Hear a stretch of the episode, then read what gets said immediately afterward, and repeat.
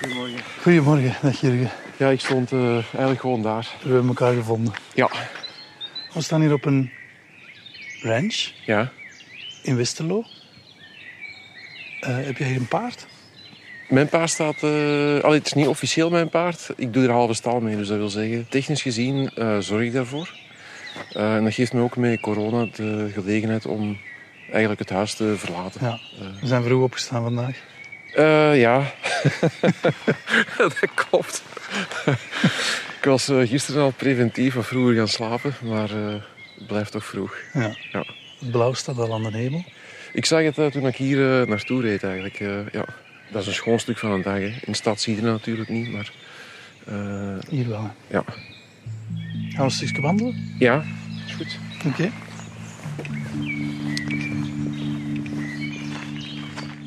Tijdens de coronacrisis werden uitzonderlijk veel overlijdens opgetekend. Oversterfte heet dat. Mensen werden een cijfer op een dagelijkse persbriefing. De verhalen achter deze overlijdens vertellen we in deze podcast.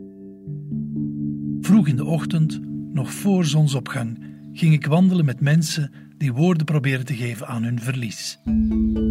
In de hoop dat met de zon ook echt een nieuwe dag kan aanbreken.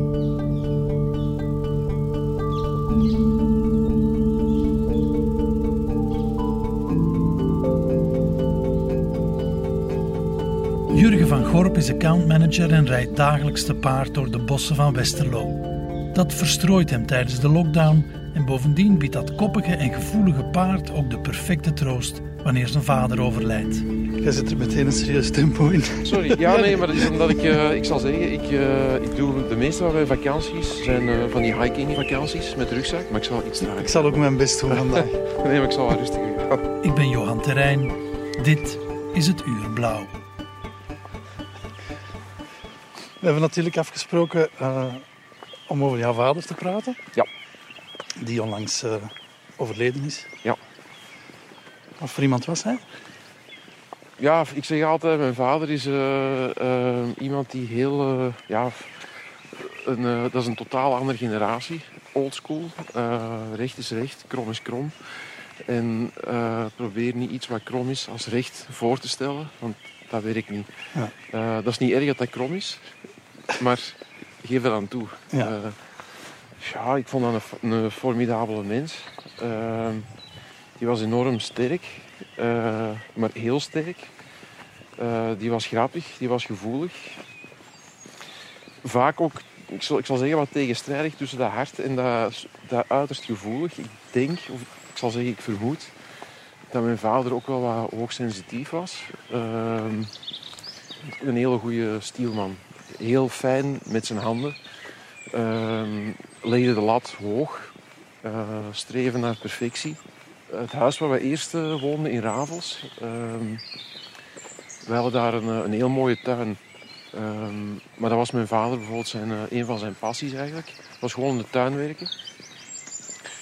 Maar dat was bijna op zijn Duits of, of mathematisch correct. Het, het gras was bijna, ik zal zeggen, zoals mensen hun haar kammen. Tot in de perfectie. Zoals de gazon. Ja.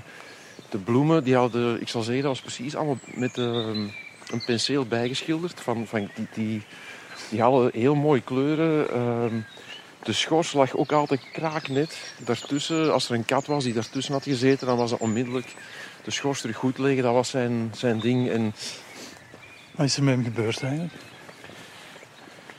als ik er eigenlijk op terugkijk, dan heeft mijn vader eigenlijk een heel complex medisch dossier gehad. Eh, die is redelijk vroeg, eh, hebben ze daar eh, ergens in zijn twintiger jaar, hebben ze daar reuma vastgesteld. En eigenlijk vanaf dat moment is het eh, gezondheidstechnisch is er altijd maar iets bijgekomen.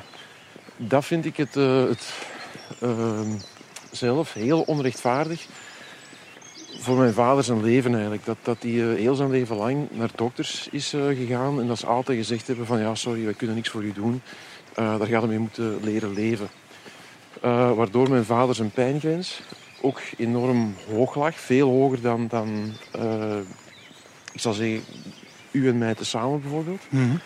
De laatste eh, diagnose die ze gesteld hebben, Dan uh, hadden ze Lewy body dementie vastgesteld. Dus een combinatie van uh, uh, Parkinson en Alzheimer.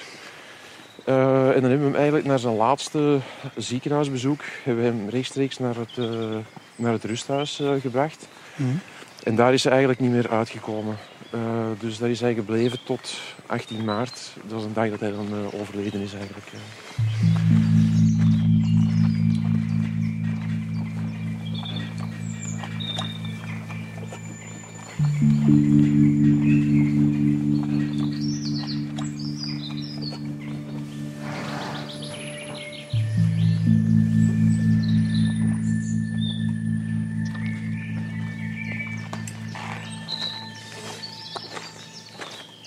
18 maart is hij overleden. Dat is helemaal het begin van de lockdown. Ja. Ik vond dat verschrikkelijk. Dat, uh, ik zag mijn vader het laatste half jaar uh, eigenlijk elke dag. Omdat wij, ja, ik zal zeggen, we hadden toch een, een hele speciale band. En dan kwam, die, kwam het rusthuis met de melding van oké, vanaf nu wordt het rusthuis afgesloten. Maar dan heb ik ook uh, wel tegen de hoofdverzorgster gezegd van... Uh, als wij er niet meer bij mogen, want het was dan volledig afgesloten... dan denk ik uh, dat het voor mijn vader niet lang gaat duren. Omdat mijn moeder en ikzelf, wij waren twee rustpunten ja. in, in zijn bestaan. In zijn leven eigenlijk. Mm. en ja, hoe moet ik dat nu zeggen? ik ben bijvoorbeeld in die periode in het rusthuis zat ben ik zo uh, drie weken op, uh, met rugzak naar Ethiopië gaan, uh, gaan trekken. En ik had hem al heel lang op voorhand aangekondigd. En denk bijna elke dag herhaald van, van papa, ik, ik, ga met vakantie. Maar hij reageerde daar nooit niet op. Dan ben ik teruggekomen. En dan pakte hij mijn hand vast. En dan zei ze van, ja jongen, ik wil dit niet meer. Uh, weet je eigenlijk hoe lang ik hier al zit te wachten? Ja. En uh, hij hield zo mijn hand vast. En ik zeg, ja maar pa, ik was met vakantie. Uh, kijk, we gaan iets afspreken. Als je nog weggaat, dat is maximum één week. Tenzij dat je geld kunt verdienen. Dan mag het iets langer, maar niet te lang. En dan was dat weer weg. En dan waren we over andere dingen bezig. Maar dan zijn de, ik zal zeggen, de verzorgsters uh, bijvoorbeeld ook uh, uh, naar mij gekomen. Van ja, wij zijn zo blij dat jij terug bent. Uw pa, die, die maakte geen grapjes niet meer. Die, die at niet. Die, die zat hier maar, ja, precies te wachten, te wachten. Ja. En, Weet je dan hoe hij overleden is? Oh, we weten het eigenlijk niet. Zeker die, die eerste week was er zoveel verwarring. Het enige waar wij ons nu, ik zal zeggen, vooral mee proberen te troosten is eigenlijk gewoon het idee dat uh, uh, mijn vader niet opnieuw nog eens door een ziekenhuisopname is moeten gaan. En dat dat gewoon eigenlijk zoals een, uh, ja, ik zeg het, zo'n oude gloeilamp. Je komt thuis, je, je, klikt die aan, pats, gedaan.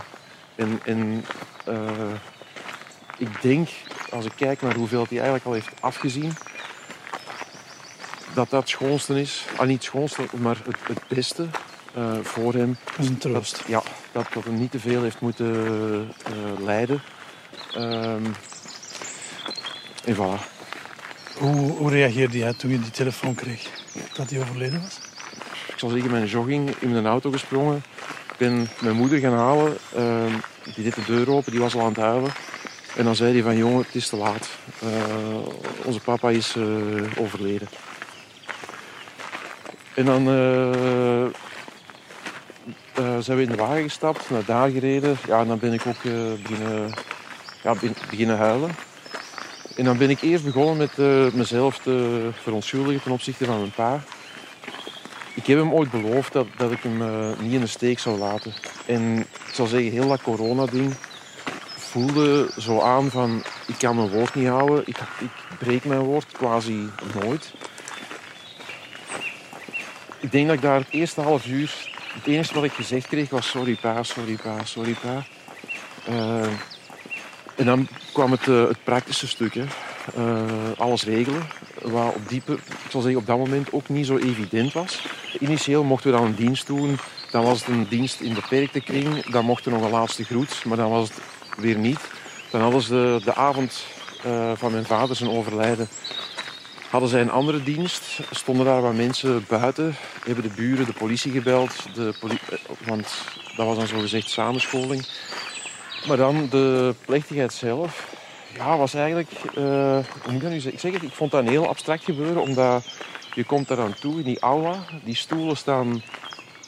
Ver uiteen. Ja. Voilà. Uh, maar je zit daar dan met elf mensen. En in het begin had ik zoiets van... Maar allee, dat is onrechtvaardig. Mijn vader verdient nu toch wel iets meer dan, dan, dan dit. Uh, het nu, want nu lijkt dat precies van zijn leven heeft geen... Het is zo... Bijna tussen de soep en de pataten, zal ik maar zeggen. Uh, dat je afscheid moet nemen en, en kom, zwijg maar en, en doe maar verder. Uh, maar ja, dat dacht ik, dat, dat strookt niet, of dat, dat matcht ergens niet met mijn rechtvaardigheidsgevoel. Ja. Je begint aan te huilen. Dan uh, je nonkel, die ziet dat, die wil je dan vastpakken. Maar dan zegt iemand van de begrafenisondernemer, uh, afstand houden. En ja. ja. dan sta je tegenover elkaar en dan heb je zoiets van, nonkel bedankt, uh, maar ik zal straks wel huilen als ik thuis ben en, en klaar. Na de plechtigheid zijn we dan naar de begraafplaats gereden. En dan moet ik zeggen dat daar had ik dan wel een, een heel goed gevoel bij. Omdat dat het weer op die dag was eigenlijk zo'n schoon weer. Uh, de zon scheen. Uh, er was zo'n zachte uh, briesje. En dan had ik bij mezelf zoiets van... Ah, wel pa, dat je er dan toch mee, weer. En het weer is u wel geschonken. Voilà. En, ja. en daar werd ik dan... tegelijkertijd, zo wat, met al mijn verdriet, werd ik daar eigenlijk wel gelukkig van.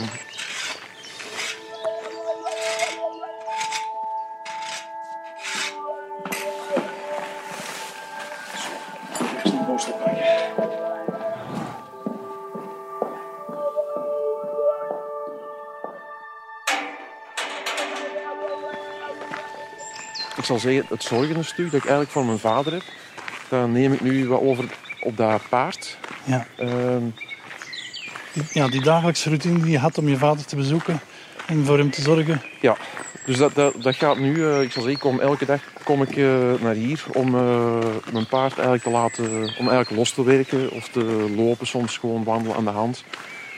maar meestal komen we in het bos hier crossen.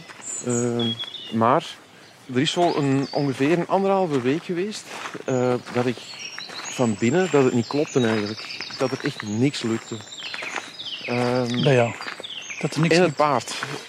Die uh, stijgerde, die begon te trappen. Uh, die draaide gewoon zijn gat naar mij. die viel aan. En ik vond dat zo lullig dat ik om een duur zoiets had van... Maar allee, ben ik toch een cowboy? Kan ik dat paard toch uit die stal halen?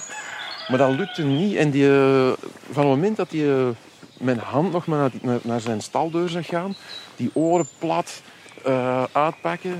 En ik was die, die week ook hard in mijn huis aan het werken. En, mijn platenkast, die was eigenlijk helemaal af. En mijn woonruimte was zo mooi. dan ben ik op mijn, ja, ben ik eigenlijk gewoon op de grond gaan, op een vloer gaan zitten eigenlijk. En dan keek ik zo rond. En het eerste wat ik dacht was van... Allee pa, dat jij dit nu niet kunt zien. Uh, jij als stielman. En ik begon te huilen. En uh, ik heb zo'n foto van mijn vader in mijn platenkast staan. Uh, met een cowboyhoed die ik ooit voor hem heb meegebracht. en ja, op ik zal zeggen, toen ik rond aan het gaan was met mijn ogen over mijn, uh, ik zal zeggen, de, mijn kast zelf, bleef ik zo hangen bij die foto en ik begin keihard te lachen. Ik ben in mijn auto gestapt. Ik ben uh, hier naar de range uh, gereden. Ik kwam aan de stal van, van Ramses en die begon opnieuw zo wat, ja, astraan te doen, zal ik zeggen. En ik had zoiets van, het is goed geweest, jongen. tot hier en niet verder. En je wilde zo trappen. Ik zeg ja, je kunt nu, maar ik, met een iets luider stem dan, je kunt nu trappen zoveel als je wilt, maar ik ga niet achteruit voor je. Want dat is een soort van dominantiespel eigenlijk. Ja. En van het moment dat ik dat zo zei, stopte dat. Dus Ramses heeft een beetje aangevoeld dat jij je kracht terug had gevonden. Men heeft me ooit eens gezegd dat paarden eigenlijk zo de spiegel zijn van je eigen zelf. Hoe dat je er zelf bij staat. Ehm, en meestal ben ik niet iemand die, in zo, die daar heel hard in, eh, in, in meegaat. Maar ik moet wel zeggen dat de moment dat hij vervelend is beginnen doen, is het moment dat ik eigenlijk wel diep zat. Een paard dwingt u eigenlijk om gefocust te zijn op wat je op die moment aan het doen bent. Ehm, Zou je kunnen zeggen dat, dat je je rouwproces een beetje samen met dat paard aan het beleven bent? Het gebeurt regelmatig dat ik, eh, ik zal zeggen, als we met twee gaan rijden, eh, dat het bos ligt er op dit ogenblik mega mooi bij. Eh, het is zonnig weer, mooie kleuren. En dan, eh, dat raakt mij bijvoorbeeld. Dus dan gebeurt dat ik bijvoorbeeld dat ik begin te huilen terwijl ik op dat paard zit. En dan bij wijze van spreken, ik ga nu zeggen, eh, een minuut later, begin ik daar terug mee te lachen. Eh, ook met mezelf, van, allee, zie me hier nu zitten. Eh, en dan, ja... Het is soms ook wel, als ik wat oefeningen aan het doen ben, of helemaal aan het loswerken, dat ik bijvoorbeeld, als de zon echt mooi is, ja, dan, dan zit ik in mijn gedachten, dan denk ik van, allee pa, je bent er toch bij. En eh, in plaats van dan droevig te worden, word je er eigenlijk vooral blij van. Ehm,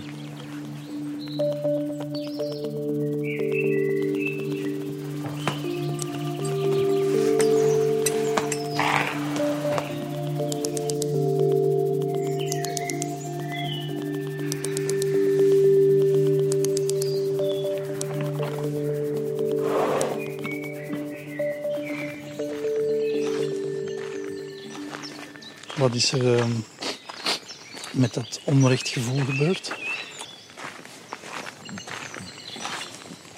de eerste dagen eh, na zijn overlijden, eh, dan was ik eigenlijk... Ik ben nog wel... Ik heb nog altijd mijn verdriet voor, eh, voor mijn vader. Maar dat is eigenlijk meer en meer plaats beginnen maken voor een totaal ander gevoel. Een, een, een, hoe moet ik zeggen? Een, een soort van... ja, een gevoel van contentement of een soort van trots. Ehm wetende dat tussen mijn vader en mij de cirkel is, is rond. Eh, wij hebben een heel... Geen gemakkelijk parcours, maar als ik erop terugkijk, hebben wij een heel mooi parcours eh, samen eh, bewandeld. Wat niet altijd evident was. Mijn vader was niet altijd even gemakkelijk. Was soms best heel hard voor ons. Maar als ik dan weet waarom dat hij vaak zo hard was, eh, was dat vaak omdat hij dingen voor ons probeerde te realiseren. Mijn vader had, op redelijk jonge leeftijd bijvoorbeeld op eh, invaliditeit kunnen gaan. Maar die was daar gewoon te trots voor. Die had zoiets van nee, dat is niet voor mij. Ik wil dat mijn kinderen kunnen gaan studeren, dat die nooit in een fabriek moeten gaan werken. En die heeft zijn woord nooit gebroken. Die is op handen en voeten naar zijn werk ge- gekropen, zal ik zeggen, van de pijn. Maar die heeft zijn woord nooit eh, gebroken. Maar als kind snap je dat niet altijd. En dan denk je van, alleen maar waarom moet ik nu weer stilzitten? Of, of waarom moeten de, ik zal zeggen, de flosje van de mat, waarom moeten die altijd zo kaarsrecht liggen? Maar los daarvan moet ik zeggen dat, dat ik, eh, ja, ik heb eigenlijk zonder schoon een tijd met mijn eh, pa gehad de laatste 10, 15 jaar. Ehm, ik zal zeggen, ik denk als, eh, als zoon eh, heb je soms het gevoel van, van doe ik het wel goed? Of eh, Is er wel trots op mij? Voilà. Ja. En mijn vader is eigenlijk een type... Hij heeft ook altijd gezegd van als iets goed is, dan weet je dat zelf. Moet ik dat niet zeggen. Maar als het slecht is, dan ben ik er om te corrigeren. Maar het ding is, je hoort vooral de dingen die slecht zijn. Ja. Dus om een duur, Dat dan, dan, dan denk je van, eh, van shit, ik kan precies niks. Eh, het is altijd fout. Wat niet zo is, hè. Maar, en op een gegeven moment ehm, kwam mijn moeder. ehm, dan zei hij van, jongen, zijn er daar nu nog altijd mee bezig met die vraag? Maar dat weet je toch? Ik zeg, ja, die heeft er eigenlijk nog nooit tegen mij gezegd. Ja. Maar ik zou dat eens een keer zo graag eh, van hem horen. Eh. En die zei hij, maar jongen, ik zal eens iets laten zien. En die pakte daar een kaft uit de kast. Maar dat was zo'n typische klasseerkaft die je bijvoorbeeld in een Aldi koopt uh, met van die lelijke modellen op, zal ik zeggen. Ik deed die open en er zaten alleen maar foto's in. Alle foto's die ik ooit via mijn gsm naar hem had gestuurd.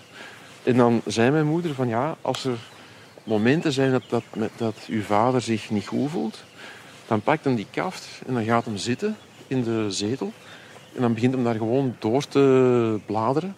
Uh, en als dat een antwoord is op uw vraag van, uh, van is hij trots of niet, dan daar heb je het. Uh, ik wist ook niet wat ik moest zeggen toen, toen hij daarmee afkwam. Je, je, weet dat wel, maar er is een verschil tussen dat gezegd hebben of, of niet. Ja. Um, maar die kaft is het bewijs. Ja. Welke plek heb je die kaft gegeven? Die staat nog bij mijn moeder eigenlijk. Uh, Het enige wat ik uh, voorlopig uh, meegenomen heb, is eigenlijk mijn, mijn eigen Stetsonhoed. Ehm, die, als ik die op had en ik kwam bij hem, dat is het eerste. Jongen, mag ik uw hoed niet op hebben? hij laat me die nog eens even opzetten. Dus dan, dan, dan was hem zo, ja, zoals wij dat zeggen, zo vreed, hè, zo trots. Of, of zeg je dat zo, zo fier als een pauw als hem, hem die hoed op had. En op het moment dat hij naar het rusthuis ging, heb ik hem die hoed eigenlijk gegeven. En dan moest hij ook elke dag uh, opstaan. Dan kon ook tegen de verzorgsters zeggen, als ze dat vergaten, van, hé, uh, mijn hoed. En ja, dat is niet dat hij er... Ik zeg het, fysiek is hij niet aanwezig, maar er zijn zo'n aantal dingen die ik graag bij me hou. Om ja, een stuk van zijn aanwezigheid misschien nog te voelen, ik weet dat niet. Ja.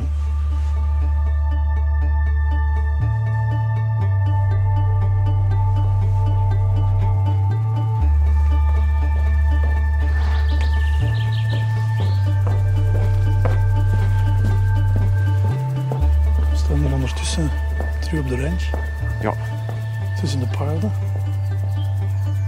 Staat Ramses hier eens? Ja, die staat... Uh...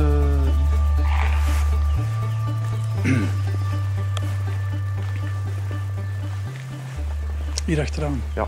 Ah. Ja, die zou wel niet komen, denk ik. Nee? Beetje een koppig paard ook. Ik verschiet er eigenlijk zelf van Ehm, waarom dat je met bepaalde paarden een klik hebt, net zoals met sommige mensen heb je een klik, met paarden is dat hetzelfde. Uh, dan merk je eigenlijk wel dat bepaalde paarden waar je een klik mee hebt, dat die toch ergens ook iets van jezelf hebben. Ehm, en ik denk dat dat met Ramses, dat dat... Ergens doet hij mij wel wat aan uh, mijn vader denken. En ook bepaalde dingen van mezelf. Die is uh, dominant, koppig. Die, ik zal zeggen, van het moment dat je erop zit en je ziet een rechtstuk, die wil, die wil niet liever dan lopen, maar gaan. Uh, die is enorm gevoelig. Ehm, dus het, je moet weten hoe, hoe dat je hem aanpakt, uh, hoe dat je hem aanstuurt. Je hebt nu echt heel veel karaktereigenschappen van je vader opgesomd, hè? Uh, ik denk dat dat ook de reden is waarom dat, dat zo goed klikt. Uh, want blijkbaar, uh, van de mensen die hier al lang op de, de range komen, zijn er heel weinig mensen die daar eigenlijk mee rijden.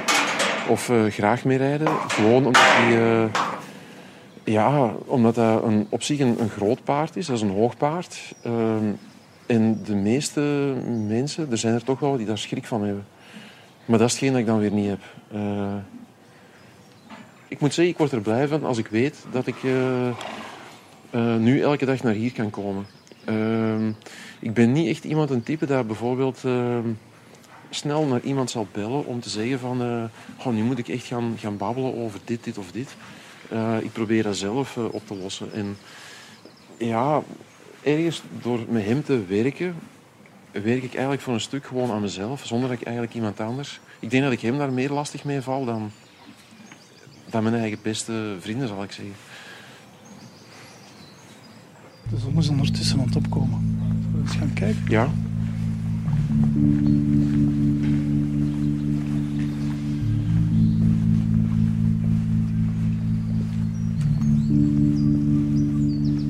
Het gaat tussen de bomen en meer. Ja, normaal gezien... Eh, moet nu wel zeggen, dat is nu de eerste keer dat ik de zon hier zie opkomen eigenlijk. Nu het leven niet meer on hold staat. Wat komt er nog? Ah, eh, de liefde van mijn leven. Hè. Eh, dan zal mijn vader het, eh, denk ik, het, het gelukkigste zijn. Ehm, dat en ja, ik heb deze week gezegd dat ik de rookie belt van de roping wil binnen. Dus daar moet ik nu voor gaan trainen. hè. Je gaat moeten kiezen een lief zoeken of, eh, of, of de rookie belt. Eh, ja, of combineren. nu is het tijd om voor mezelf eh, de dingen in orde te brengen die ik altijd maar on hold zet. En daar ben ik nu klaar voor, denk ik. eh, en, en voilà. Mag Dus- gebeuren. ja. En ik zeg het, mijn vader is eh, fysiek, is hij, niet meer, eh, is hij er niet meer, maar hij is ook niet weg. Ehm, ik merk dat gewoon in, in, ik zal nu zeggen, een paar weken geleden was ik eh, mijn trap ehm, aan het afschuren. En ik zit met mijn neus, denk ik, een centimeter boven mijn trap om te kijken of dat die toch perfect geschuurd was.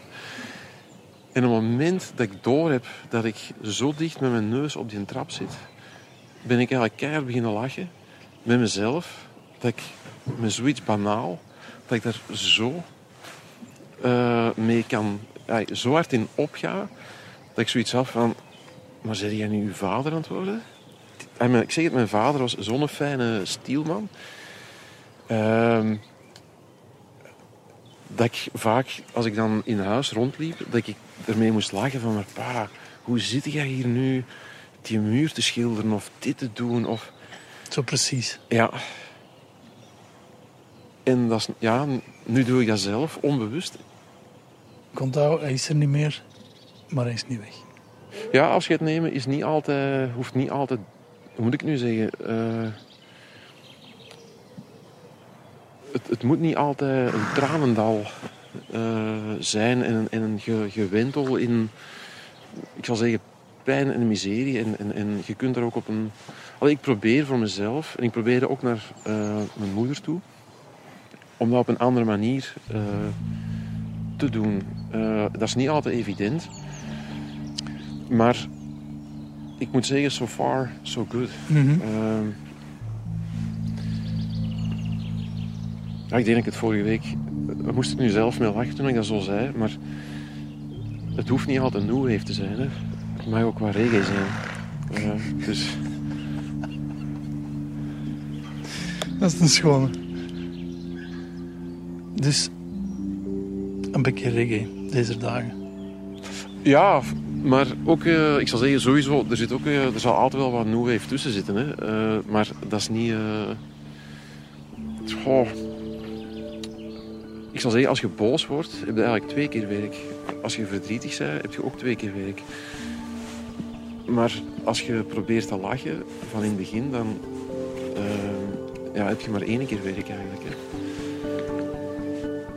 De zon is ondertussen op. Ja. Met welk gevoel of met welke gedachten ga je aan de nieuwe dag beginnen? Eh, ik ga zelfs eh Ramses opzadelen en dan Stukje gaan we... rijden. Ja, want het bos is nu leeg. Dus eh, daar kijk ik nu al naar uit eigenlijk. Ja. Bos van ons.